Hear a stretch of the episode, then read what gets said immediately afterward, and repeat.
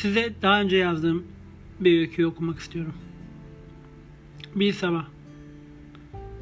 Elindekileri bıraktım masanın üstüne. Önce kol saati yüzük, sonra evin anahtarını.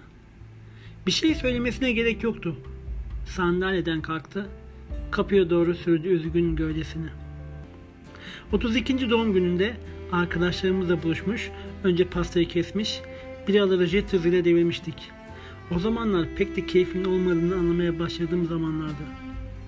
Belki de bu yüzden kalabalık bir ortamın bünyeye iyi geleceğine karar verip ortak arkadaşlarımızı davet etmiştim. Cağaloğlu'na. Dostbara. Burası kendi sınıflarından kaçan insanların derdi tasayı, ağaçları, belki kuşları ve gökyüzünü unutmak için hızlı hızlı alkol tükettikleri salaş mekanlardan hiç de fark yoktu. Ama anılar en bakımsız, en berbat yerleri bile eşsiz yapmaya yetebiliyordu.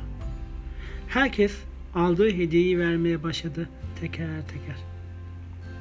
Sinan tanımadığım bir yazarın ihtimal o ki son kitabını almış.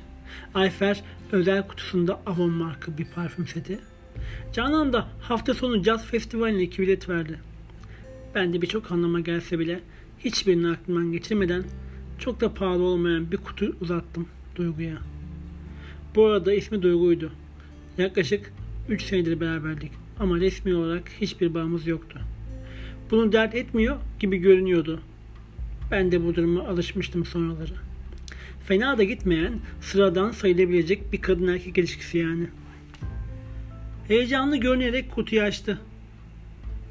Kırmızı bir kordon, metalik gri işleme çerçeveli bir kol saatini görünce içten olmadığı belli olmayan bir gülümseme yayıldı yanaklarına. Teşekkür etti. Boynuma sarıldı. Biraları devirmeye devam ettik bu alışveriş faslından sonra. Gece bitti. Duygu 32'sindeydi. Yine de bir şeyler eksik gibi gelmişti bana. Uzayıp giden bir ilişki gibi uzayıp gidiyordu. En güzeli kısa mı tutmakta heyecanı yoksa tam tersi mi mutluluğun anahtarıydı. Şimdi 34'ünde hala bunları öğrenememiş biri olarak bir dillik yapıp evlenmeye karar verdim Duygu'yla. Bir yüzük, çok pahalı olmayan bir yemek, o da pahalı değildi. Verilebilecek en sade tepkilerden biri evlilik teklifine, o da değerli değil sanırım. İnsan anlar insanı. Ve insan ancak insanla tanır kendini. Yüzüğü takması bir şahit olabilirdi.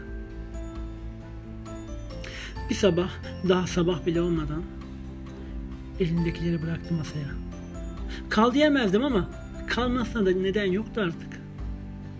Toplanmış, valize doldurulmuş eşyalarını ümitlerinin kırgınlığıyla aldı. Son kez bakar gibi yaptı geriye ama çok geçti. Bunu geçirdi içinden. Sokağa, onu yalnızlığa götüren kapıya doğru adımlarını sıklaştırdı.